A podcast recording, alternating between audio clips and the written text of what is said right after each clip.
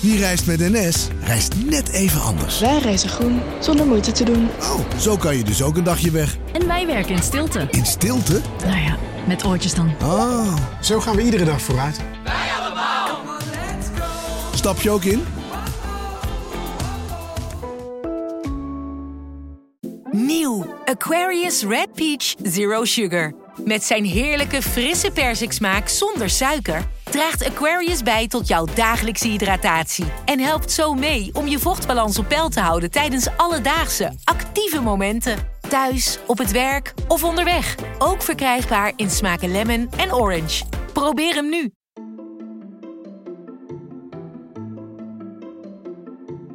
Welkom. Wij zijn Onbehaarde Apen. Dit is een podcast van NRC over wetenschap.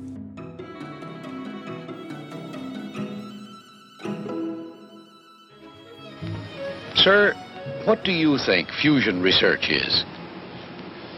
I think that uh, fusion research must mean an investigation and study of what is required to fuse. Fusion research would be uh, studying how it happens and what the phenomena is. It's uh, when the nucleuses of atoms fuse together under heat, great heat and pressure. As far as I know, I, I don't understand the whole process real well. Sort of a busting apart or something like that, I guess. Probably the production of cells. Well, I'm not really quite sure, but I think it's some kind of gas. Would it have anything to do with our changing climates? I've really got no idea. Probably confusion. We hoorden hier eh, mensen op straat in de jaren 70 die ineens een eh, lastigere vraag eh, kregen, namelijk wat is kernfusieonderzoek? Kernfusie belooft al heel lang de energiebron van de toekomst te zijn. Het zou een schone energiebron zijn, een oneindige energiebron ook. Het wordt wel eens vergeleken met de zon op aarde, eh, die dan wordt nagedaan en waar we eh, eindeloos energie uit kunnen putten. Eh, Hendrik Spiering zit hier aan tafel om over kernfusie te praten. Hallo. Hoi, Eh, mijn naam is Lucas Brouwers en aan tafel zit ook Dorine Schenk. Hoi Dorine. Hoi Lucas. Jij schrijft eh, voor NRC veel over natuurkunde. En eh, je bent ook een, eh, ja, een soort kernfusie-expert al sinds de middelbare school, heb ik begrepen. Want je hebt ooit je profielwerkstuk over kernfusie geschreven. Nou, expert zou ik mezelf niet noemen, maar ik ben er zeker bovenmatig in geïnteresseerd. Het ging over kernfusie in sterren, dus het is iets anders dan de kernfusie die we op aarde proberen. Ja, want eh, je bent ook wezen kijken bij een plek waar uiteindelijk kernfusie moet gaan plaatsvinden hier op aarde. En dat was in, eh, in Frankrijk. Een experimentele kernfusiereactor ITER. Kun je daar iets over vertellen? Ja, ik ben eh, ongeveer twee maanden geleden dus naar Zuid-Frankrijk geweest, eh, dus in de buurt van Marseille. En daar, eh, nou, het experiment staat er nog niet. Het is, staat echt nog bijna letterlijk in de stijgers. Eh, het wordt een vrij grote constructie. Het grootste gedeelte is beton. Daar gaan ze dus een kernfusie-experiment doen. Overigens is het niet de eerste keer dat kernfusie op aarde eh, is gelukt. Maar dit is wel het grootste experiment tot nu toe. En eh, ja, toen ik daar rondliep, het, was, het is een gigantische bouwplaats. Ik geloof 42 hectare of zo. En het gedeelte waar kernfusie gaat plaatsvinden is een betonnen cilinder van 60 meter hoog en ook nog 13 meter onder de grond. We zijn ook die cilinder in geweest. Er zitten allemaal gaten in en zo, waar je naar het binnenste kan kijken. Dus een grote holte in het midden. En eh, ja, ik had een beetje het gevoel alsof eh, toen ik eh, in 6 VWO ben, ik geloof ik, of 5 VWO naar het Colosseum geweest in Rome. Nou ja, zo- zo'n grote stenen betonnen constructie, zo voelde het een beetje. Dat is een beetje de schaal waar je aan moet denken. Zo'n Ja. gewoon eigenlijk een, een lege, Een lege ver- cilinder van een lege cilinder van, van binnen. Ja. Ehm, Hij maar- is nu nog leeg. Hij is nu nog leeg, precies. Want eh, je zegt al van het, het is een bouwplaats. Er wordt druk gewerkt. Er staan er hijskranen, eh, eh, vrachtwagens en, en, en dat soort dingen moet ik me voorstellen. Ja, het staat vol met eh hijskranen en vrachtwagens. Er is ook een hele mooie foto van de bliksem die inslaat op een van de hijskranen. Wat heel leuk is, want bliksem is ook een vorm van plasma... wat ze ook gaan gebruiken om kernfusie eh, gang te brengen. Oeh. dus het was ook een, een, mooi reclameplaatje. De eerste plasma op, eh, bij ITER. Ja, en eh, eh, ITER maakt ook reclame voor zichzelf. En eh, daarmee presenteren ze zich ook aan de wereld. En eh, nou ja, als die schone energiebron dus. Eh, laten we daar even naar luisteren. Energy is like oxygen for life. As long as you are a human being on the earth, we need energy. The planet is fine, but it will get rid of us. And so we need innovation. We have the potential and the capabilities to have cleaner sources of energy and more diverse sources of energy as well. one of the ways we think is the best way to do it is to actually replicate what happens on the sun. The principle is quite simple. When you have two atoms of hydrogen, if you make them collide, okay, they will fuse. Nou, klinkt makkelijk. Nou, het, het klinkt ook heel internationaal met al die Engelse eh, accenten die, eh, die je hoort. Maar wat ze eigenlijk zeggen hier, Doreen, is dat ze eh, de zon willen nabouwen op aarde. En dat klinkt vrij ambitieus. Ehm, wat gaan ze precies doen en waarom zou je dat willen? Nou, de, zon produceert behoorlijk wat energie, dat weten we. Daarom zitten wij er zo lekker warm bij eh, op aarde. Al zouden we dat nu in december misschien niet helemaal zeggen. Maar zonder de zon zou het hier een stuk kouder zijn. En de energie wordt opgewekt door kernfusie. En in de zon gebeurt dat door waterstofatomen, protonen, dus echt de, de meest basale atomen, op elkaar te knallen. Ja, dat zijn echt de, de, de bouwsteentjes van, eh, als, als ik me even goed mijn natuurkunde scheikundelessen eh herinner, dan heb je drie bouwsteentjes van atomen, protonen, neutronen en elektronen. Dat klopt. Ja. En die protonen, dat zijn eh, waterstofkernen. En als je die op elkaar knalt, dan kun je, als je er genoeg van op elkaar knalt, kun je uiteindelijk helium maken. En daar komt ook een heleboel energie bij vrij. Ja, je hebt gewoon atoomgetal, zo heet het toch? Hè? Ja. 1. Nou, die voeg je samen en heb je atoomgetal 2. En dan eh, heb je helium. Ik bedoel, ook in scheikunde of, of natuurkunde is 1 plus 1 dus 2. Maar eh, wat, waar dat voor staat is waterstof plus waterstof is helium. Niet helemaal. eh, Oké. want helium bestaat uit vier deeltjes, niet uit twee. Eh het bestaat uit twee neutronen en twee protonen. Ja. Dus je moet ook nog op een manier van protonen neutronen maken. En dat kan door een elektron erin te schieten.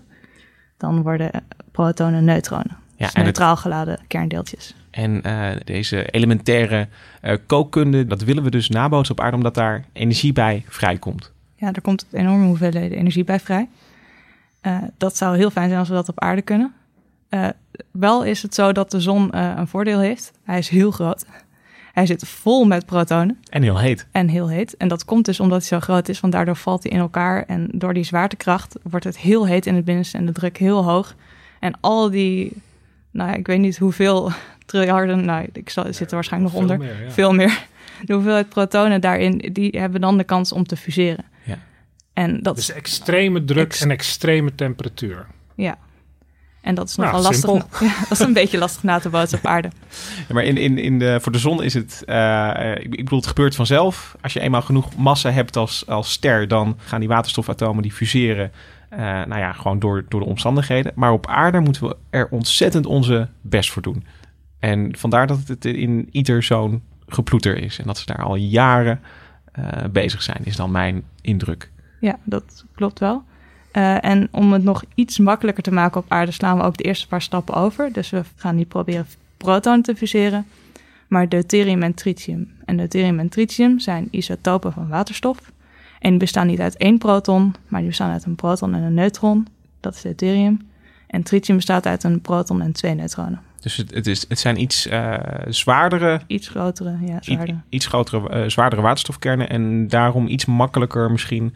Eh, ik, ik kan me voorstellen dat het makkelijker is om twee zware dingen eh, eh, aan elkaar te plakken dan eh, twee lichtere dingen. Moet ik het, is, is het zo simpel? Eh, nou ja, wat de zon doet, de zon maakt eerst deuterium en tritium.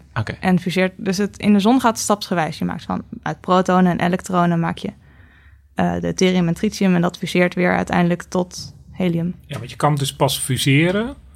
Het is dus niet 1 en 1 is 2, ja wel qua atoomgetallen, maar je hebt dus die twee neutronen nodig, anders kun je geen helium maken. Ja. en die moet je dus ergens vandaan halen. Dus als je twee losse protonen, dan kom je dus twee neutronen tekort. Dus, Dus, daarom doe dus je we met- beginnen iets later in het, in, het, in het proces eigenlijk. Vlak voor de, de grote energiewinst. eh, op dat moment is het idee om in te stappen. Als je het precies wil weten, eh, van protonen en neutronen maken kost echt heel veel energie. Dat is echt heel lastig, want protonen zijn allebei positief geladen. Die willen helemaal niet bij elkaar in de buurt Nee. zijn. Dus als je dan een neutron hebt, dan is dat makkelijker. En moet je dus eerst een elektron in een proton persen. Nou, dat soort dingen. Wat Dat niet is zo makkelijk is. Nee, precies. Weet Dus- iedereen. Iedereen die dat thuis wel eens geprobeerd heeft. Maar Ja. misschien is het wel leuk om te vertellen waar die energie dan eigenlijk vandaan komt. Want dan komen we bij een formule die, eh denk ik, alle luisteraars kennen. E is mc kwadraat. Want het is namelijk ontdekt dat er energie te winnen is. Omdat ze volgens mij in de jaren 20 of de jaren 10, zo 100 jaar geleden... konden ze dus een, eh, wegen hoe zwaar een proton was en hoe zwaar eh, helium was. En toen ontdekten ze dat het, de optelsom in helium lichter was dan de samenstellende delen. En toen bedachten ze, dat moet dus enorm veel energie bij vrijkomen, want er is minder massa. En, En, die, eh, als, als ik het even mag, mag proberen te vertalen voor mezelf, dan kwamen ze erachter dat 1 plus 1 1,99 was eigenlijk. qua gewicht, toch, Dorien? Ja, het gewicht was dus iets lager. Ja, dus, ja, dan je zou verwachten op ja, basis van de ingrediënten. Dus er is wat massa verdwenen. En volgens ESMC kwadraat inderdaad is er dus energie ontstaan. Is elke, eh, alle massa is ook energie. En, en die energie moet je dus ergens weten zien op te vangen uiteindelijk. Ja. En het is heel anders dan de chemische energie die we vrijmaken als we brandstof verbranden. Dat is, dan, dan, komt er, ge- is dat is geen verlies van massa volgens mij. Nou dan, dit is ook niet helemaal... Oeh, ik Ehm, ben, eh, misschien, Je- je eh, hebt iets verkeerde aange- afslag genomen. Je hebt- Bij je hebt iets aangeraakt, Bij ik, chemische Hendrik. energie, ik, ik ben geen chemicus, maar dan eh, verbreek je volgens mij moleculaire Ja. verbindingen. En in dit geval breek je eh, kernverbindingen. Precies. Dus in een kern wordt bij elkaar gehouden door kernenergie. En de energie om een heliumkern bij elkaar te houden is lager dan dus, eh, de energie om dus losse protonen en neutronen bij elkaar te houden. En de natuur is zuinig, dus dan knalt ze de rest eruit. Ja, dus de rest van de energie komt dan bij vrij. Uh, en uh, ook nog misschien wel goed om even te benadrukken, uh, is dat de kernenergie die we kennen, dat is een, uh, een heel andere vorm van energie opwekken. Daarbij worden niet kernen gefuseerd, maar uh, sla je ze uit elkaar. Toch? Ja, de, uh, bij kernenergie denken de meeste mensen aan de kerncentrales die uh, her en der over de wereld verspreid staan, zoals bij Borselen. En dat is een heel ander soort van uh, kernenergie. Dat is ook een iets minder. De meeste mensen hebben daar een minder positieve associatie mee. Dat klinkt ook iets minder vriendelijk dan een zonnetje op aarde. Um, dat is inderdaad kernsplijting. Je gebruikt dan dus niet lichte kernen zoals waterstof, maar hele zware kernen zoals uranium. En die vallen uit elkaar. En omdat de bindingsenergie van de deeltje waarin het uit elkaar valt lager is dan de bindingsenergie uh, van dat uranium, komt daar dus energie bij vrij ook. Maar dan in het uit elkaar vallen in plaats van in het samensmelten. Dus als je met uh, atomen aan de slag gaat, kun je eigenlijk, uh, ja, je kunt twee kanten op. Je kunt dus of uh, hele lichte atomen bij elkaar brengen en dat levert energie op. Of je kan hele zware atomen uit elkaar halen en dat levert ook energie op. Ja.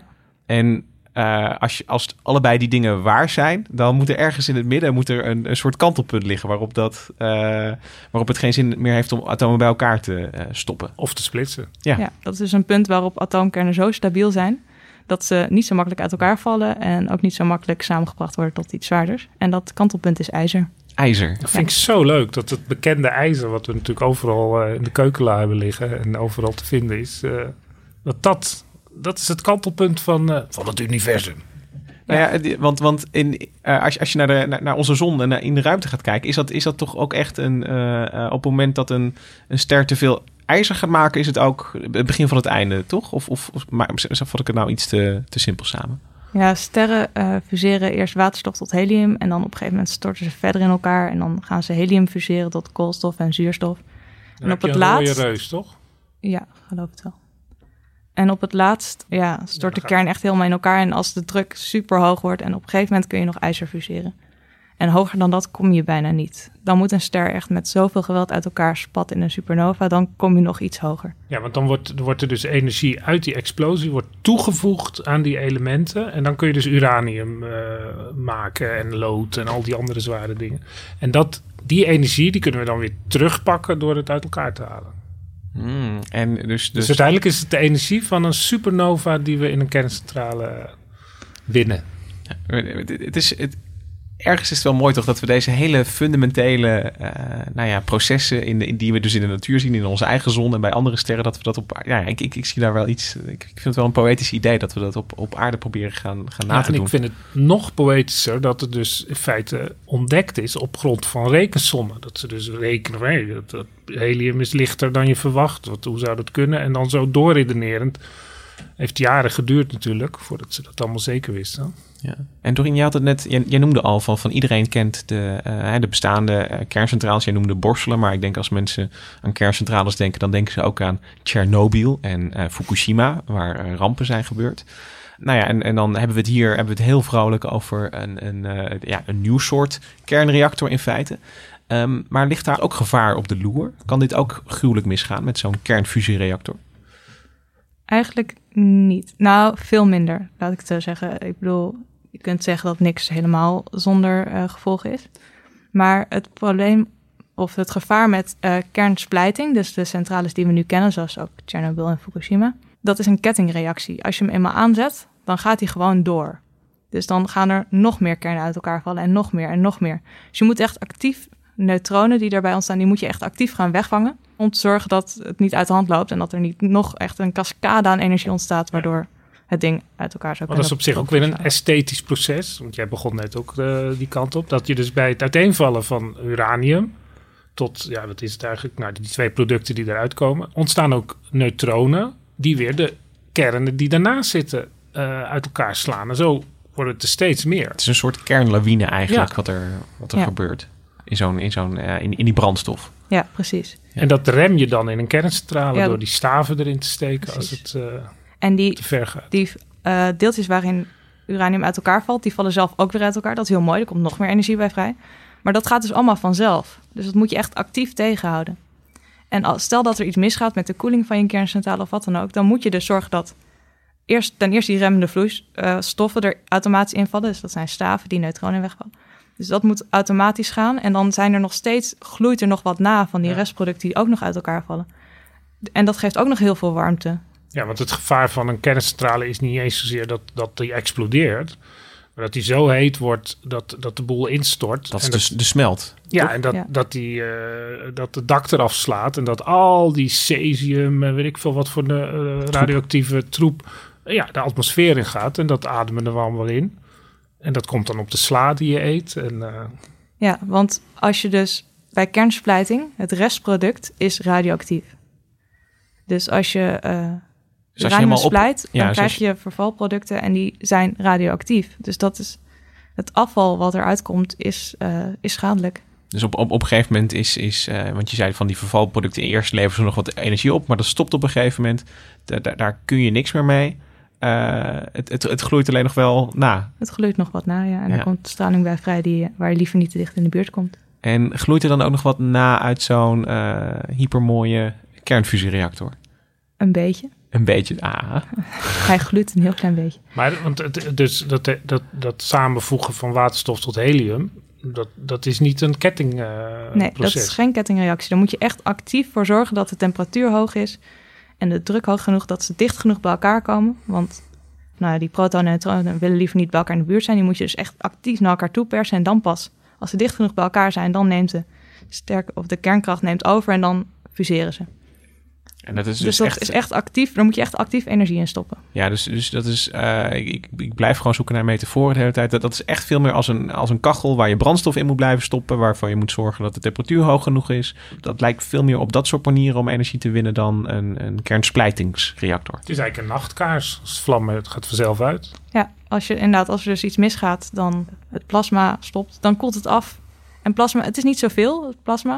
Het zijn niet zo heel veel atomen. Dus wat er dan gebeurt is ja, het koelt razendsnel af, volgens mij echt in een paar seconden. En ja, het kan dat de wand waar, waar van, uh, van de kernreactor een beetje beschadigt. Maar dat is het ergste. Dus het heeft geen, geen meltdown zoals je uh, bij kernreactoren hebt, bij de bekende kernreactoren met splijting. Dus dat scheelt. En uh, dus dat, dat, afval waar we het over hadden. Bij kernreactoren heb je dus radioactief afval. En dat radioactieve afval blijft heel lang radioactief. Je moet het nu duizenden tot honderdduizenden jaren opslaan voordat het niet meer schadelijk is. Dat is ook, ook waar de hele discussie nu ook gaat, die, uh, die hier in Nederland weer wordt aangezwengeld door, door Lubach. Weet je wel, van, van dat, uh, de, die discussie gaat steeds over wat moeten we met dat afval. Ja. ja. En dan, een zinnetje wat je nooit wil horen. Slecht nieuws over de kernreactor in Petten. De kernreactor in Petten die weet zich geen raad met honderden vaten nucleair afval. Die vaten kunnen daar niet blijven en ze moeten naar de speciale opslag in Zeeland. Ja, al het kernafval in Nederland moet naar een speciale opslagplaats in Zeeland.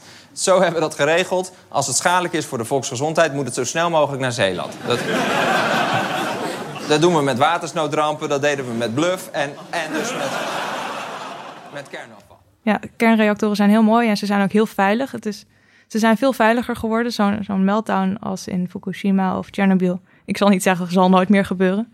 Maar de kans is zoveel kleiner en het is allemaal veel veiliger. En het is ook, ja, dus dat, dat gaat goed. Maar we hebben nog steeds dat afval.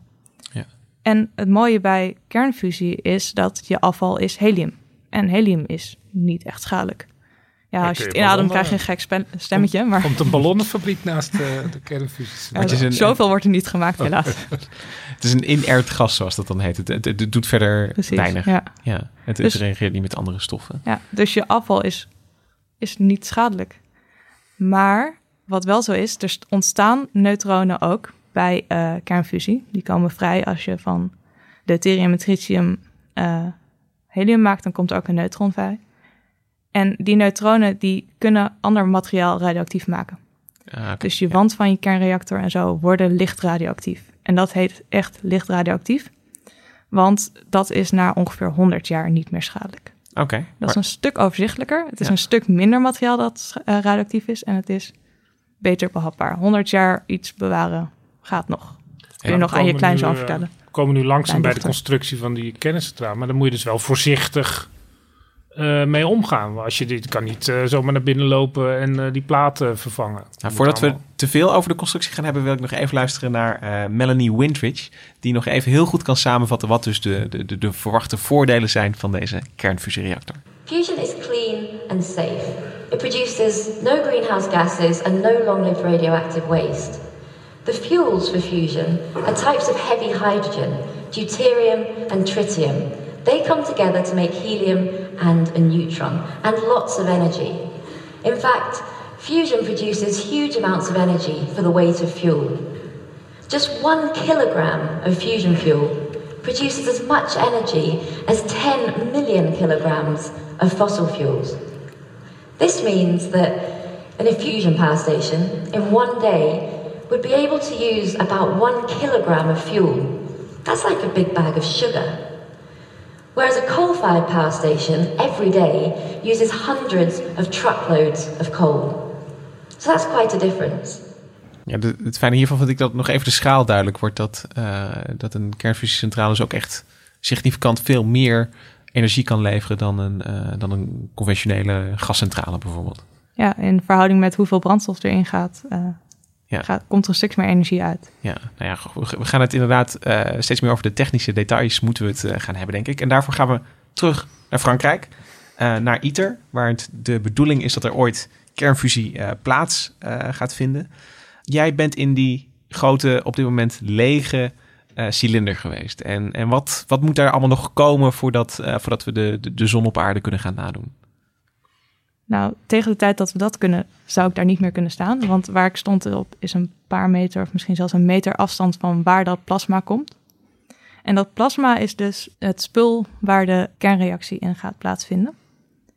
En om die kernreactie te plaats te laten vinden, eh, moet dat plasma, dat bestaat dus uit deuterium en tritium, moet verhit worden tot 100, ik geloof 150 miljoen graden Celsius. 150 miljoen. Ja, dat is meer dan het centrum van de zon. Mijn oven gaat tot 240, denk ik. Ja, ik, ik denk ook niet dat kernfusie in jou over gaat lukken.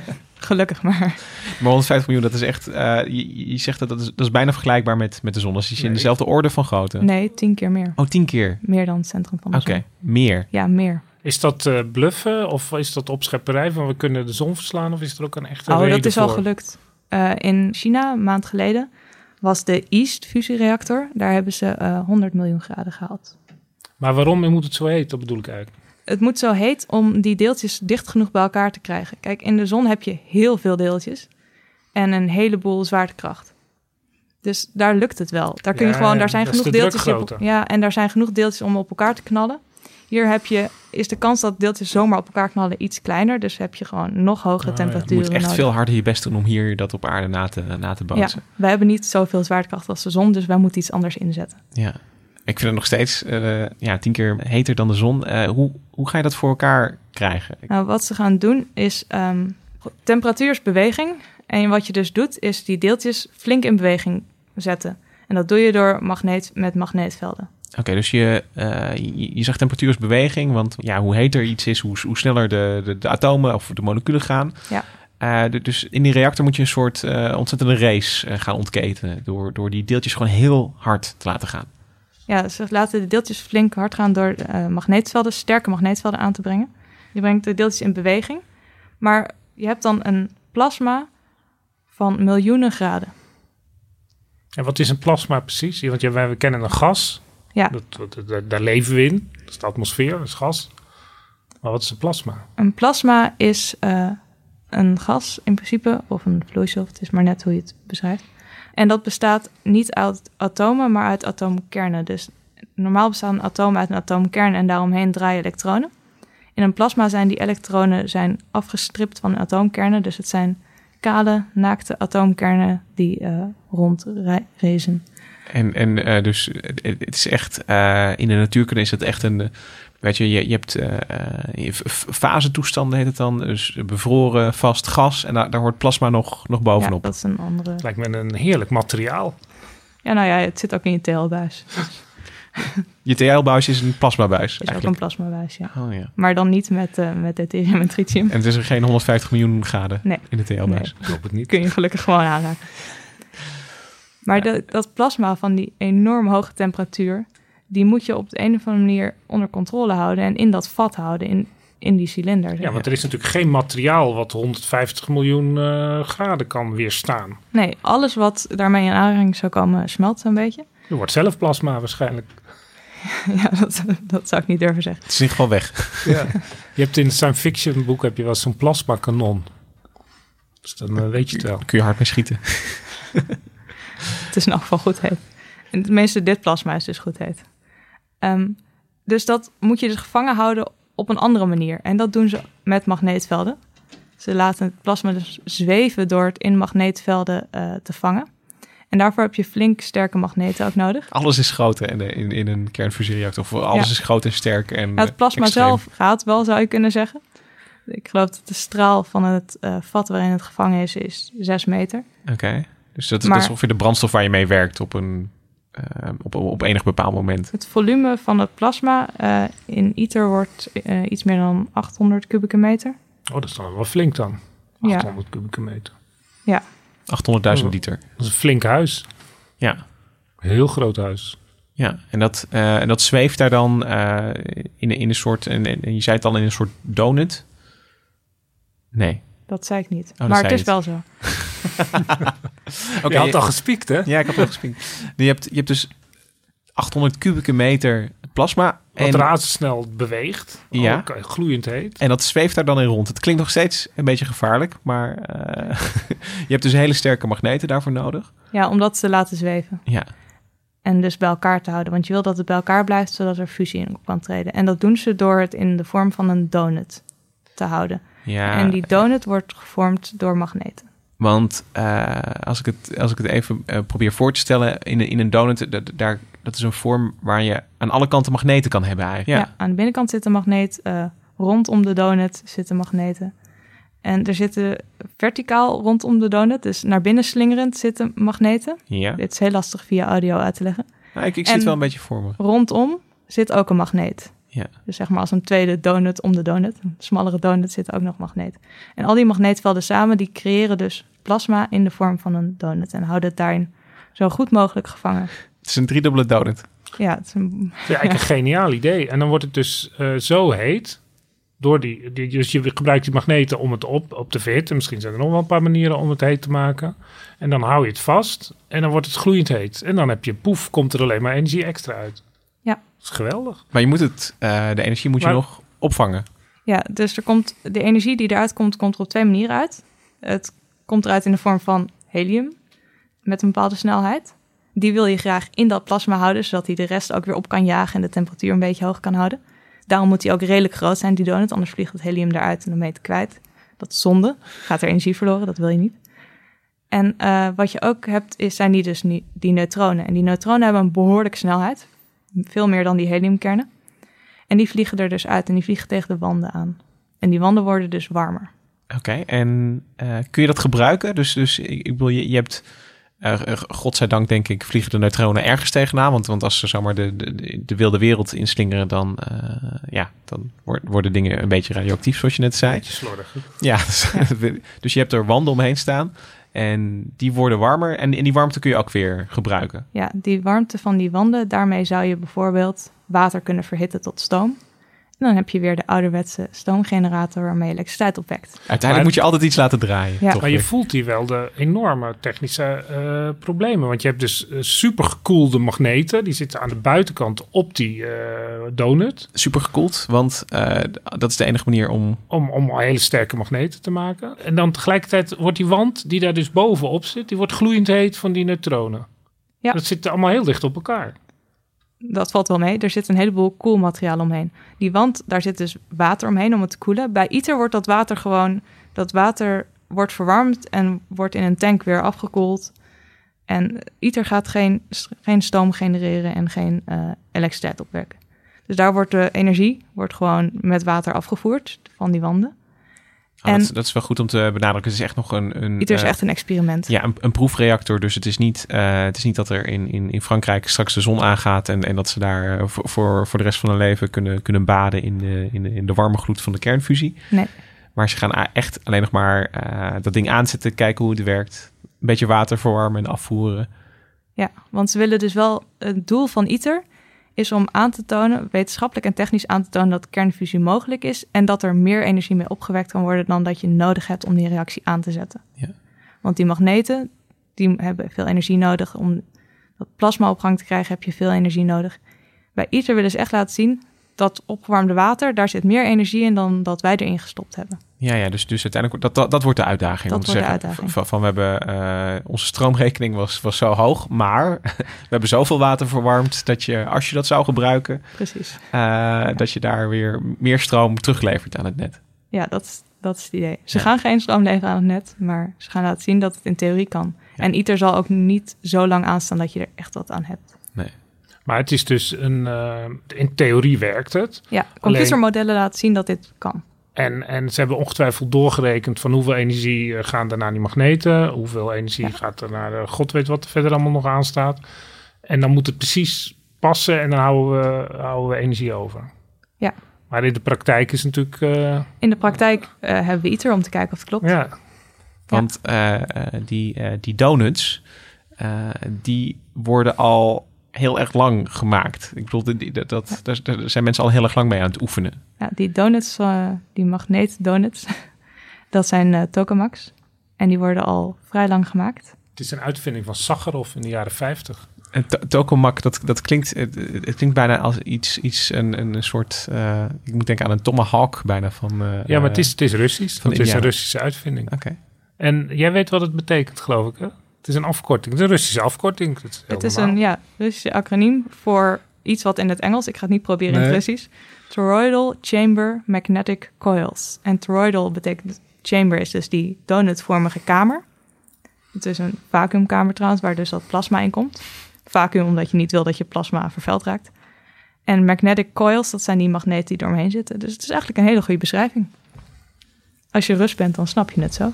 Now, you're probably wondering where the word tokamak comes from. It's quite an unusual word. Well, it's actually a Russian acronym because it was the Russians that came up with the design. It stands for Troidalnaya Kamera Magnitnaya Katushka, which is a bit of a mouthful, but it actually describes exactly what a tokamak is. It means toroidal chamber magnetic coils. So it's a toroidal or ring donut shaped chamber with magnetic coils around the outside that make a trap for the hot fusion fuel called plasma. Nu snap ik wel waarom jij het niet probeerde uit te spreken, Doreen, want dit Ja. was echt een... eh, Ik denk dat zij er lang op geoefend heeft. Of ze heeft een talent voor Russisch. Ja. Maar we hebben dus even denk ik wel wat, wat we nu hebben eh, in mijn hoofd. Hè, we hebben die, die cilinder, eh, daar zit een, een magneetdonut in, daar komt dat plasma in. Ehm, je hebt die wanden die, die uiteindelijk de, eh, de straling moeten opvangen. Ja, en daarachter zit dus weer water om het af te voeren, die hitte. Ja, en, en je had het ook nog, jij noemde het net al even, die magneten moeten dan weer gekoeld worden. Ja. En dat snap ik nog niet helemaal. Ja, om die magneetvelden op te wekken heb je hele goede magneten nodig. En hele goede magneten zijn bijvoorbeeld superglijdende magneten. Superglijding is een materiaal dat ze- helemaal geen weerstand meer heeft, geen elektrische weerstand. Dus er komt geen warmte vrij als je de elektriciteit doorheen geleidt. Want normaal gesproken, als je energie door een, een koperdraadje stuurt, dan verlies je altijd wat. eh, die, die wordt warm. eh, Ja. en dat is, dat is iets wat je niet wil. En dat ja, is de dat is weerstand. verlies. En dat Ja. zorgt er ook voor dat er dus minder energie naar magneten gaat. Want door er er stroom door, een, door zo'n draadje te laten lopen, kun je een magneetveld opwekken. En dat magneetveld kan dus sterker worden als je zorgt dat je geen verlies hebt in de vorm van warmte door weerstand. Dus die superkleine magneten hebben geen weerstand en kunnen super sterke magneetvelden opwekken. Dat is heel fijn.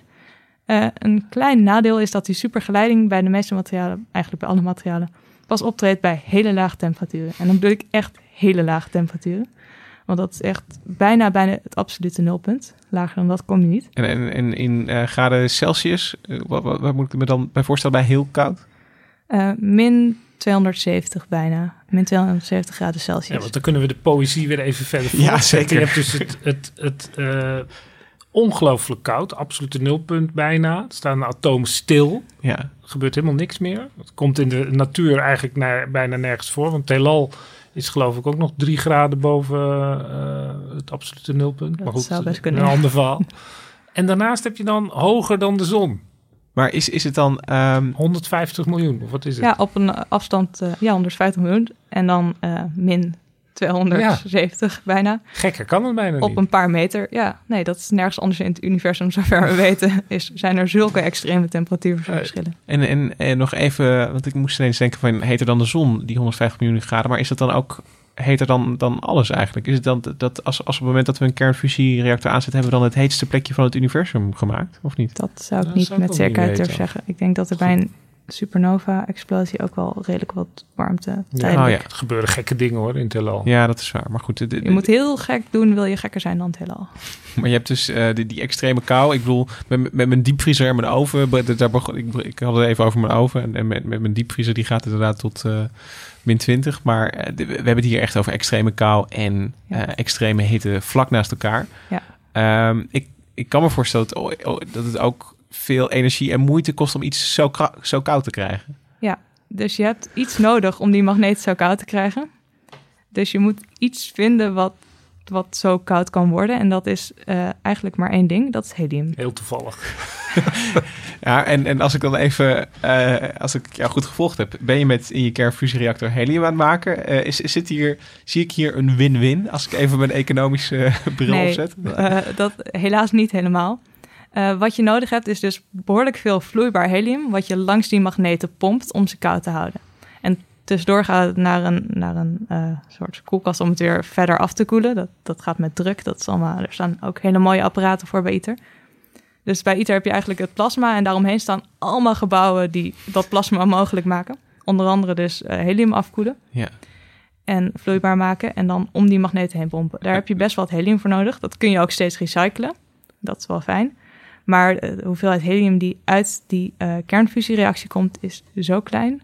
Dat uh, is echt niet genoeg om ook maar één van die magneten te koelen. Er staan er behoorlijk wat dan, omheen. Ik vraag me dan ook af, in de kantine van ITER zitten ze dan bij elkaar? De koude mensen en de hitte mensen? Of zijn er twee verschillende tafels? Dat kan ook nog natuurlijk. Maar het is een apart, echt een apart gebouw waarin ze met, de, met die helium in de weer gaan om het zo koud te krijgen. Ja, dat helium wordt in het ene gebouw uh, vloeibaar gemaakt, dus gekoeld. En dat wordt dan door een soort grote buis naar die uh, reactor gepompt en daar om de magneten heen uh, oh, ja, gepompt. Maar ik bedoel, hier heb je, um, als je dit zo allemaal vertelt en op een rijtje zet, dan begin je wel te snappen waarom, uh, waarom ze hier al zo lang aan het bouwen zijn en waarom die ook nog niet morgen aangaat. Want het, het, de, de, de randvoorwaarden zijn gewoon zo veel eisend. Voordat je daar bent, dan, dan heb je echt al heel wat, wat technische uitdagingen opgelost.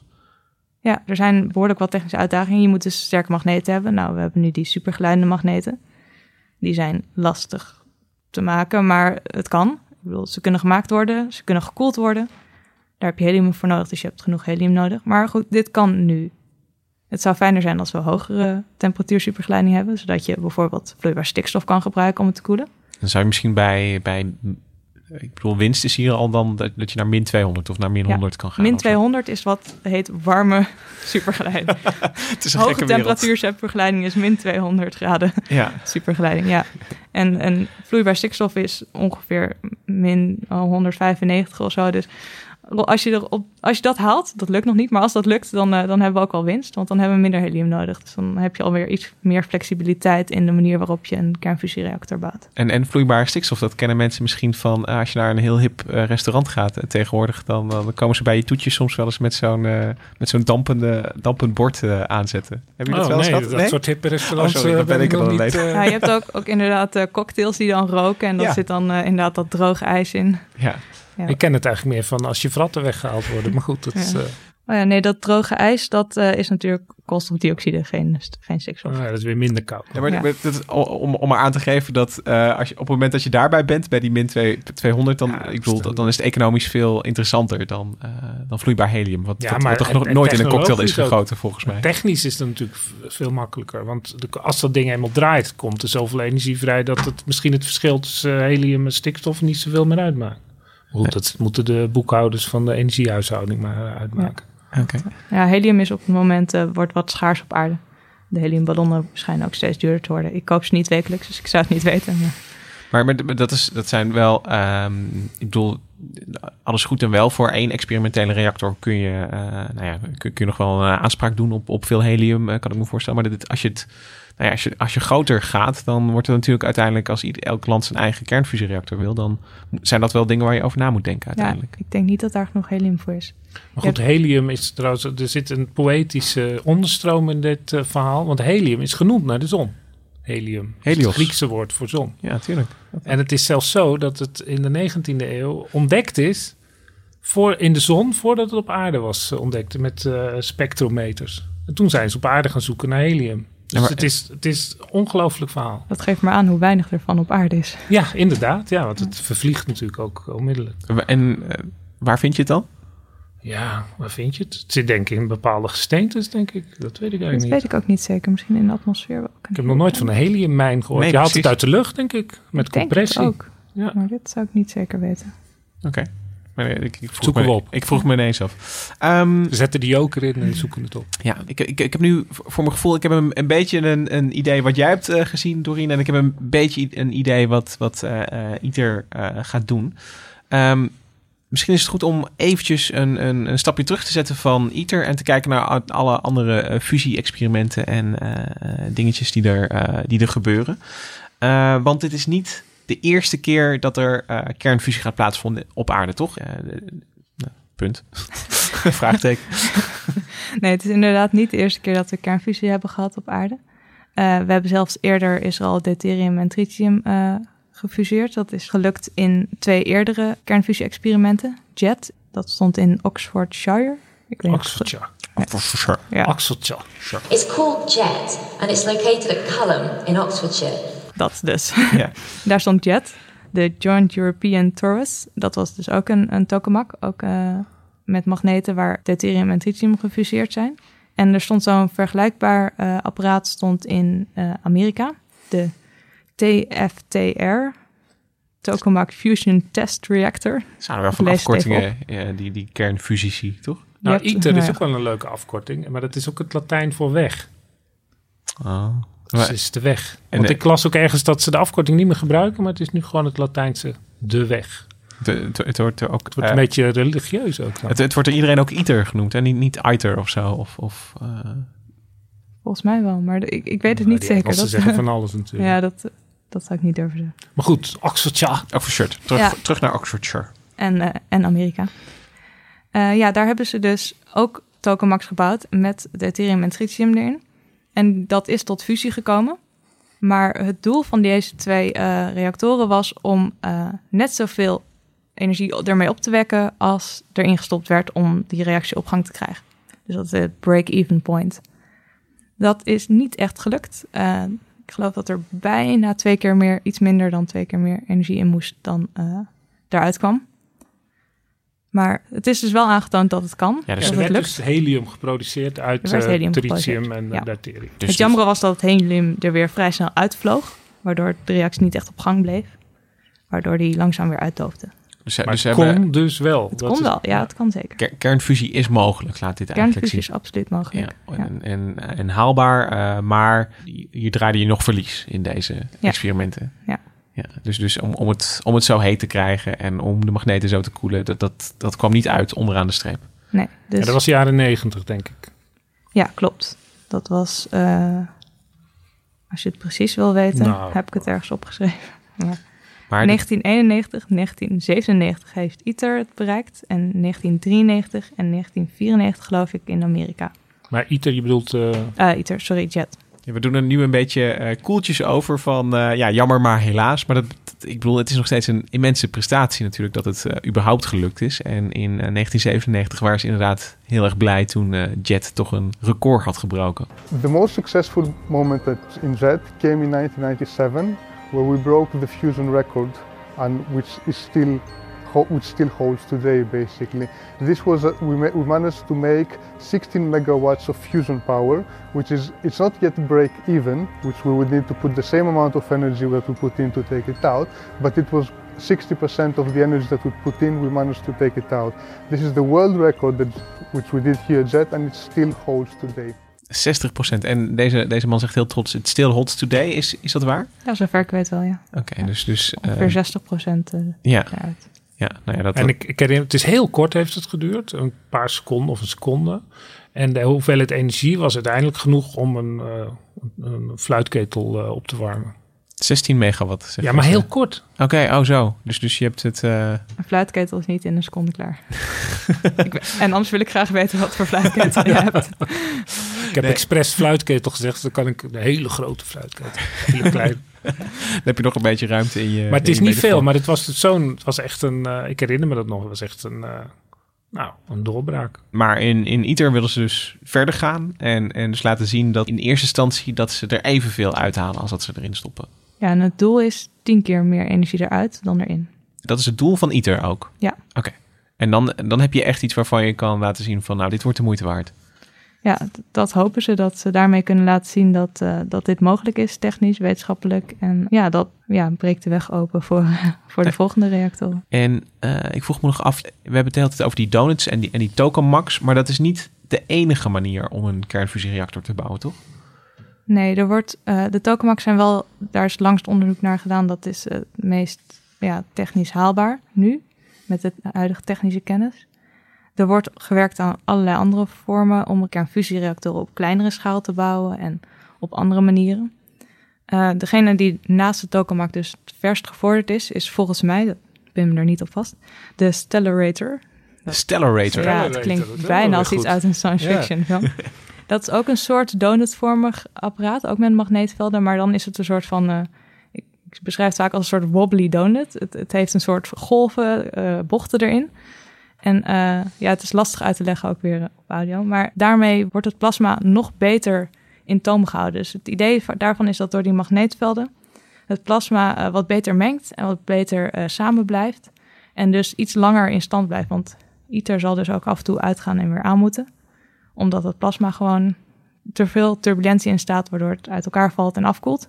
Dus en, en als je er een beetje een, een soort golfslag in doet, dan, dan, dan werk je een beetje mee met die turbulentie, is het, Ja. is het idee. Maar turbulentie is natuurlijk heel lastig te voorspellen en te beschrijven. En dan heb je een hele ingewikkelde constructie van magneten nodig om dat plasma zo mooi precies Ja, ja, turbulentie gemengd te bij houden. 100 miljoen graden. Ja, dat is een natuurlijk beetje. eh, best ingewikkeld. Ja, dus het is. eh, Het klinkt nog steeds ontzettend eng ook, maar ik, ik ben blij dat, dat Dorina aan het begin heeft ver- verteld dat het allemaal heel, heel veilig is. Het- kijk, het plasma het is heel heet, maar het zijn ook weer niet zo gek veel atomen. Dus zodra dat afkoelt, is het ook binnen een paar seconden is afgekoeld, zijn die atomen allemaal een beetje verspreid en, en zijn ze hun energie verloren. Zolang het bij elkaar houdt, houdt het die temperatuur, maar zodra er ook maar iets verandert, een Ja. klein zetje geeft, dan is het binnen een paar seconden is het gewoon een Is- stuk is- koeler. is het en weg. Ja, Als is je de weg. deur open doet, is het verdwenen. Ja, dus je moet, je moet alle, alle luikjes goed dicht houden, de magneten aan en dan, eh, eh, en dan de turbulentie in de gaten houden. Kan ik me voorstellen dat het iets is wat ze, eh, wat ze willen meten. Ja, dat gaan ze dus bij ITER gaan ze ook heel erg naar de turbulentie kijken, hoe, hoe dat gaat, hoe dat met die magneten zo constant mogelijk gehouden kan worden. En je hebt dus ook die stellarators en die kunnen dat, als het goed is, nog beter. Volgens mij kunnen ze dat wel redelijk. Je hebt bijvoorbeeld de Wendelstein eh 7X. Ja, het is Duits. dus- Wendelstein 7X, we zitten echt eh, diep in de science fiction. Ja, die staat in Duitsland. En dat is dus zo'n wobbly donut die eh, met hele slimme... Ja, het is technisch heel lastig om te ontwerpen. Maar daarmee kan je dus in principe misschien wel beter het plasma beter uh, in stand houden. Maar dus die dat zijn is ook aan het bouwen, geloof ik. Hè? Die Ja, volgens mij is. Ja, ik weet niet precies hoe ver die is. Dus iedereen bouwt al, al Tokamax en, en andere varianten erop eigenlijk. Eh, zonder dat het, eh, nou ja, ik, ik, ik bedoel, met, de verwachting van eh, we gaan er wel komen en het gaat wel lukken. Ehm, maar het, is toch grappig om te zien dat nou ja, die, die techniek dus eigenlijk al veel eerder wordt ontwikkeld voordat de, de, de infrastructuur ervoor klaar is eigenlijk. Nou ja, het wordt al 50 jaar lang gezegd, over 20 jaar zijn we er. Is dat ook nu wat we, dat is ook ongeveer het venster wat, wat voor ieder geldt, ja, toch? dat geldt nog steeds. Over 20 jaar eh, Ja. moet het werken. Maar dit klinkt een beetje alsof ze in die 50 jaar niet verder gekomen zijn. En dat is natuurlijk wel zo. Ik bedoel, ze zijn al een stuk verder. Ze hebben die 60% gehaald. Er worden echt stappen gezet. Maar het is er nog niet. Dus het is inderdaad nog steeds ongeveer 20 jaar weg. Ja. Maar het klinkt alsof het is de finale afstelling van het magneetveld en alles. eh, dat, dat moet de redding brengen. Ja, dat En- eh, en- en technisch is- haalbaarheid. We worden aan het begin dat reclamefilmpje van ITER. En toen, toen merkte ik al op dat eh, nou ja, je, je zoveel verschillende eh, accenten hoorde. Het is ook een, een project dat eigenlijk al vanaf het begin af aan gedragen wordt door de internationale gemeenschap. Nou, dat is niet helemaal waar. Oké. Want het is namelijk in de jaren 50 is dat begonnen. Het is natuurlijk begonnen ook vanuit de atoombommen. De eerste fusie is ook in een atoombom gebeurd. Daar hebben ze speciaal een atoombom laten ontploffen in 1951. Om te kijken of ze dat deuterium en tritium tot fusie konden brengen. Het was eigenlijk een atoombom als wetenschappelijk experiment. En dan, en dan moet ik hier de. eh, want een, een conventionele atoombom, dat, dat is een. een Uraniumbom. Een splijtingsbom. Gebruikt Ja. die energie die daarbij vrijkomt. En die Ja. hebben ze hier dan weer. gebruikt om, die, om dat gas tot, tot, tot die hitte te krijgen, waarin het tot spontaan tot fusie overgaat. Was bijkomend effect dat, wat, wat eh, Doreen al zei, er komen bij de kernfusie ook neutronen vrij. En die versterkte dat, eh, die explosie van die atoombom weer. Dus Zo je- konden ze ook meten of het inderdaad gelukt was. Dus ze hadden een dubbele atoombom gemaakt. Maar goed, dat was verder niet zo nuttig, want je kan ook een echte waterstofbom maken, waarbij je dus die kernfusie gebruikt om gewoon een verwoestende kracht in één keer te brengen. En dat wordt ook ontstoken door een eh, atoombom. Want anders kom je niet tot die hitte. Maar, maar, maar wacht even, want, want nu hebben we het over een, een, een fusiebom. Wapens, ja. ja. nu hebben we het over wapens. Ja. En we hadden het tot nu toe over een hele veilige, schone, schone bron. En nu, nu, Ze zijn hebben in we nou- ITER geen bom aan het maken. Nee, dat- nu hebben we het er toch ineens over massavernietigingswapens. Ja, maar dat is, dat is natuurlijk de geschiedenis. Als je Ja. naar de geschiedenis van atoomenergie kijkt, dan kom je altijd bij atoombommen uit. Alleen, ik vertel dat die een waterstofbom, wat in feite een fusiebom is, die is alleen maar te maken met een gewone atoombom. Er zit altijd een gewone atoombom bij, kern, eh, waarin eh, uranium met elkaar valt. En die fusietechnologie zelf, daar kan je eigenlijk geen wapen van maken. Nee, precies. Dus die, dat is het stapje wat ik wilde maken van het begint bij een bom, maar die fusietechnologie, die is eigenlijk wapenvrij. Want het is, je ziet al hoe ingewikkeld het is met al die magneten.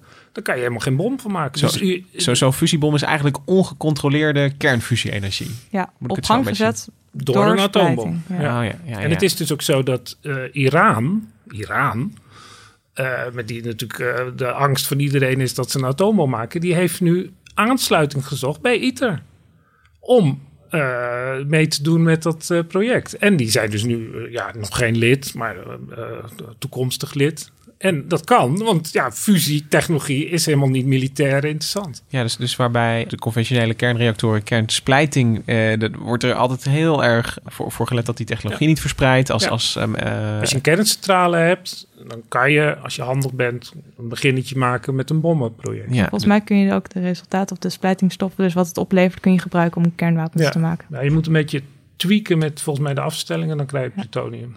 Dus je kan zeggen van nee, ik maak gewoon een kernreactor om energie op te wekken en dan stiekem kernwapens maken.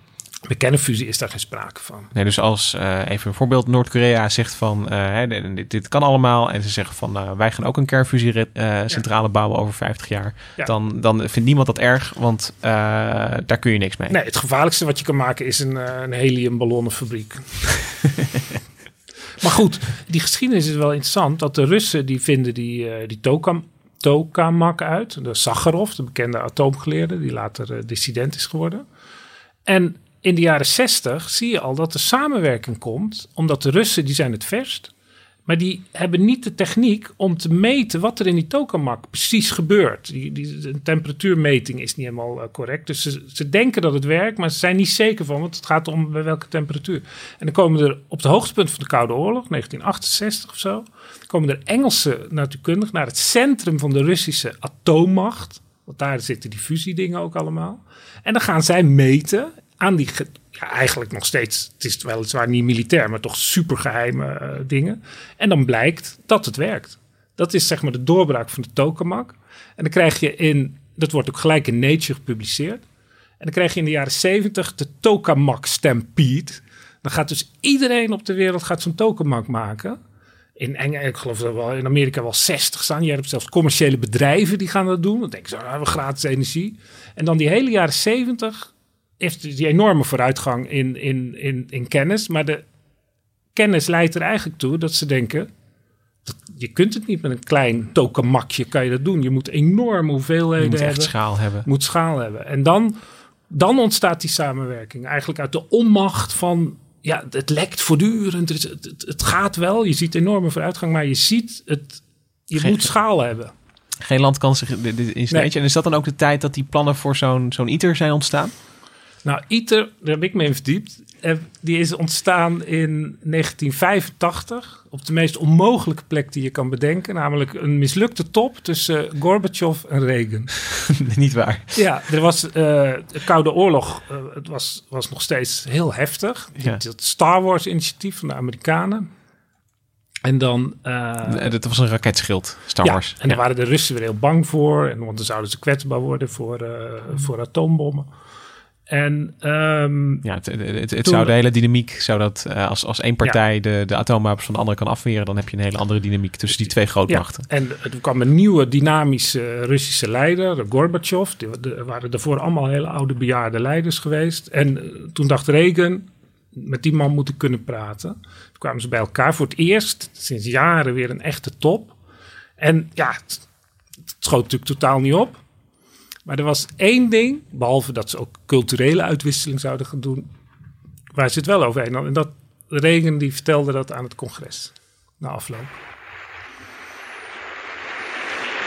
And as a potential way of dealing with the energy needs of the world of the future, we have also advocated international cooperation to explore the feasibility of developing fusion, fusion energy. All of these steps are part of a long term effort to build a more stable relationship with the Soviet Union. No one ever said it could be easy, but we've come a long way. En je hoort dus met, met de ene hand geeft, hij kan het woord, hij vergist zich, f- f- fusion, hij zegt het twee keer. Nou ja, oké, dat doen we dan. Maar verder zijn we, staan we pal. Over de hele wereld zullen we de vrijheidsstrijders tegen het Russische expansionisme. Je voelt die koude oorlogssfeer. eh, nog Maar, maar je kan dus, dit, dit, dit is mogelijk omdat kernfusie was dus nog eh, ver weg. Eh dus er kleven geen gevaren aan. Maar, maar wetenschap als eh, dus eigenlijk hier als, als breekijzer in, in een eh, Ja, en als toenadering. je, als je de geschiedenis bekijkt, dan zie je dat het al in 1973 Nixon met Brezhnev heeft afgesproken dat ze daar wat aan zouden gaan doen. Is zeg maar, ze, had het, ze werkt al samen in de ruimte. Dat is ook zoiets, daar hebben we het de vorige keer over gehad. En de, die fusie, die, ja, dat is ook zo'n ja, onschuldig wetenschappelijk project. Maar dan zie je dat in 1973, dan is pas vijf jaar later, gaan ze er eens over praten hoe dat moet. Dus dat leidt eigenlijk tot niks. En dan hier in 1985 Pak zitten we ze al het dan. opnieuw op. Pak het op. En, en dan wordt duurt het ook weer een paar jaar voordat er wat een beetje opschiet. En dan ontstaat er uiteindelijk in de jaren negentig... Amerikanen stappen er nog een keer uit, omdat ze het veel te lang vinden duren. Maar in de jaren negentig, volgens mij begin 2000, 2001 of zo... komt dat hele ITER bij elkaar... En er wordt ook wel gezegd van, ja, dat heeft allemaal veel te lang geduurd. Want in feite, toen in 1968 die tokamak werkte, toen hadden ze natuurlijk gelijk een internationaal project moeten doen op je had, grote je had toen al met ITER kunnen beginnen. Ja, maar goed, dan was het allemaal veel sneller geweest. En dan was er misschien iets geweest waar we het nu totaal niet over gehad hebben. Dat natuurlijk die hele CO2-uitstoot, de klimaatdiscussie. Dan hadden we misschien twintig jaar eerder. Hadden we misschien nu werkende kernfusiecentrale gehad. Dan had de hele klimaatdiscussie die had er echt heel anders uitgezien. Nou, in 20, in 20 jaar heb je geen werkende kernfusiereactor, denk ik.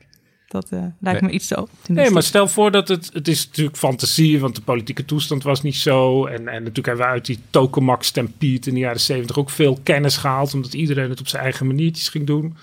Maar stel dat we nu een werkende ITER hadden... dan zouden we over twintig jaar misschien... Dan ga je andere- Kern van een ja. hele andere kern... eh, Ja, het zou wel sneller gaan zijn. In, in zo'n IPCC-rapport waar ze ook rekening houden met toekomstige ontwikkelingen en Ja. energiebronnen, dan kun je daar eh, kun je dan met, met kernfusie rekening gaan houden. Als Want- je want cynisch Doreen- bent, dan moet je die kernfusiecentrales dus wel niet aan de kust bouwen. Want de zee stijgt en... eh, Dan moet je ze weer verhuizen.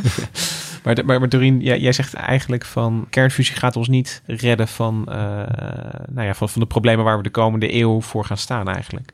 Nee, kernfusie is geen oplossing voor de klimaatproblemen die we nu hebben. Of nu, die nu eh, ons staan te wachten. Want het, het duurt allemaal echt lang. Zo'n kernfusiereactor bouwen duurt lang. Het is veel werk. Het kost ook veel geld. En politiek duurt ook altijd lang voordat iedereen het erover eens is. Bij ITER werken een heleboel landen samen. Het zijn China, India, Japan, Korea, Rusland, Amerika en de EU. Zuid-Korea natuurlijk. Ja. Die werken allemaal samen. Nou, dat, dat heerst ook een beetje toen ik bij ITER rondliep. Je je hoort het daar ook een beetje van, ja... doordat iedereen tevreden gesteld moet worden... en alle landen willen een zegje hebben... en alle landen willen een inbreng hebben... daarom duurt het ook allemaal iets langer. Maar ja, zelfs al heb je die technische... of heb je die politieke samenwerking wel... het duurt lang om zo'n apparaat te bouwen. En bijvoorbeeld ITER is nu dus nog aan het opbouwen... maar hij gaat pas aan in, op zijn vroegst, december 2025. En dat is aan. Dan gaan ze de magneten testen. Dan gaan ze kijken of er plasma in kan. Maar dat is alleen plasma. Dat is volgens mij waterstofplasma. Dan heb je nog geen deuterium en tritium. Dus dan gaan ze kijken of ze dat gloeiend hete plasma Ja. een beetje kunnen controleren met die magneten. Ja, of alle magneten goed staan. Niet eentje scheef staat. En, en, eh, want, want eerder hadden we het over een, een, een paar seconden kernfusie op aarde. Dit, dit, dit is ook iets wat dan... Dan hebben we het eerder over minuten aanzetten dan over een, een dag. Ja, dat weet ik niet precies hoe lang ze het aangezet. hebben. Ze gaan kijken hoe goed ze het plasma kunnen controleren. Ik weet niet wat de tijdschal is dat je plasma nu goed kan controleren. Nee. Maar dat is echt, dat is dus echt alleen maar plasma, geen fusie. De fusie of de deuterium en tritium, die gaan ze er pas in 2035 op zijn vroegst in. 2035. Dan gaat er deuterium en tritium in, in ITER. Dus nog niet in een kernfusiereactor die Nee, dus dan energie ben je gaat tien jaar verder en dan werkt het allemaal goed. En dan kan je commerciële centrales bouwen Ja. in het beste Het geval. plan is om na ITER demo te bouwen. Daar waren een heleboel optimistische plannen over, maar het is nu allemaal een beetje op de lange baan gezet. En ze zeggen, nou, we kijken eerst even hoe ITER doet. En op zijn vroegst beginnen ze met de bouw van demo, dus de volgende kernfusiereactor, in 2040. Dan begint dus de bouw. Ja, op zijn vroegst. Ik vind die lange termijn, eh, die is natuurlijk afschrikwekkend. Maar tegelijkertijd denk je dan ook, ja, het kost ontzettend veel geld. Maar als je 22 miljard, want dat is geloof ik de officiële kostprijs nu. Ja, volgens ITER. Eh, als je die eh, uitsmeert over zoveel jaar, dan is het eigenlijk eh, een schijntje. Dan geven wij aan dijkverzwaring, eh, geven we nu geloof ik een miljard per, ma- per jaar uit. Ja, maar het is natuurlijk wel een risico-investering. Het is, ehm, wil je alsjeblieft 22 miljard hierin pompen? We weten niet helemaal zeker of het gaat lukken en het gaat heel lang duren. Ja, Ja. Ik, ik weet niet. Ik zou mijn geld er niet, niet op inzetten. Oké. Mijn, mijn persoonlijke geld. nou ja, ik bedoel, nadat ik in ITER ben geweest natuurlijk wel. Maar eh, ik snap dat het lastig is om daar zoveel geld... En En vooral omdat je het allemaal samen wil doen, wat Ja, je net precies. vertelde. Dat je, eh, dat, dat, want ik, ik kan me voorstellen dat eh, ja, China zegt van oké, we doen mee, maar die willen er ook. Nou ja, die willen dan ook weer stukjes van ITER gaan maken waarschijnlijk. Of een, een, een, eh, Nou, het is een hele mooie. Ik vind het een hele. Dit, dit, dit leidt tot grote stroperigheid. Maar het, het is goed verdeeld. Eh, De Europese Unie doet ongeveer de helft. En de anderen hebben ongeveer dus een, eh een 7% of zo. En het meeste is in Natura. Dus al die miljarden die worden geïnvesteerd in de eigen in de industrie. China die levert dan bijvoorbeeld tegeltjes of weet ik veel wat. ik weet precies wat China En dus iedereen doet zo zijn eigen Ja. ding. Ja, en dan, dan samen wordt er een, een eh, nou ja, de energiebron van de toekomst Ja. gebouwd als het goed is. Ehm, ik eh, denk dat we inderdaad niet eh, op kernfusie gaan hopen als eh, eh, oplossing voor al onze problemen waar we nu mee zitten. Maar ik deel wel een beetje van, van het gevoel dat jij beschrijft, Hendrik, dat het wel... ja, weet je, het, is relatief goedkoop. En als het uiteindelijk uitkomt, dan, dan hebben we ja, toch iets heel moois bereikt. En nou ja, de, de poëzie zat al een beetje in, in, deze hele aflevering. Maar ja, de zon op aarde, dat blijkt toch een, een mooi idee. Ehm, kernfusie, we blijven hopen, maar niet, niet voor morgen. Ik denk dat dat de samenvatting is. Uh, dankjewel Doreen dat jij hier wilde vertellen over jouw reis naar ITER en alles wat je over kernfusie weet. volgende week zijn wij er weer met Onbehaarde Apen. Dat gaat dan de laatste aflevering zijn voordat we met kerstpauze gaan. de feestdagen komen eraan en dan, dan zijn we er eventjes niet. Daarna weer wel natuurlijk, dus abonneer je en dan krijg je gewoon in januari krijg je de nieuwe afleveringen gewoon weer in je favoriete podcast app. En als je dan toch uh, met je podcast-app een beetje bezig bent in, in iTunes of zo, laat dan ook nog even een recensie achter. Daar worden wij heel gelukkig van, want dan zijn we beter vindbaar. Micha Melita en Mirjam van Zeidam, ontzettend bedankt voor de productie van deze aflevering. Tot volgende week.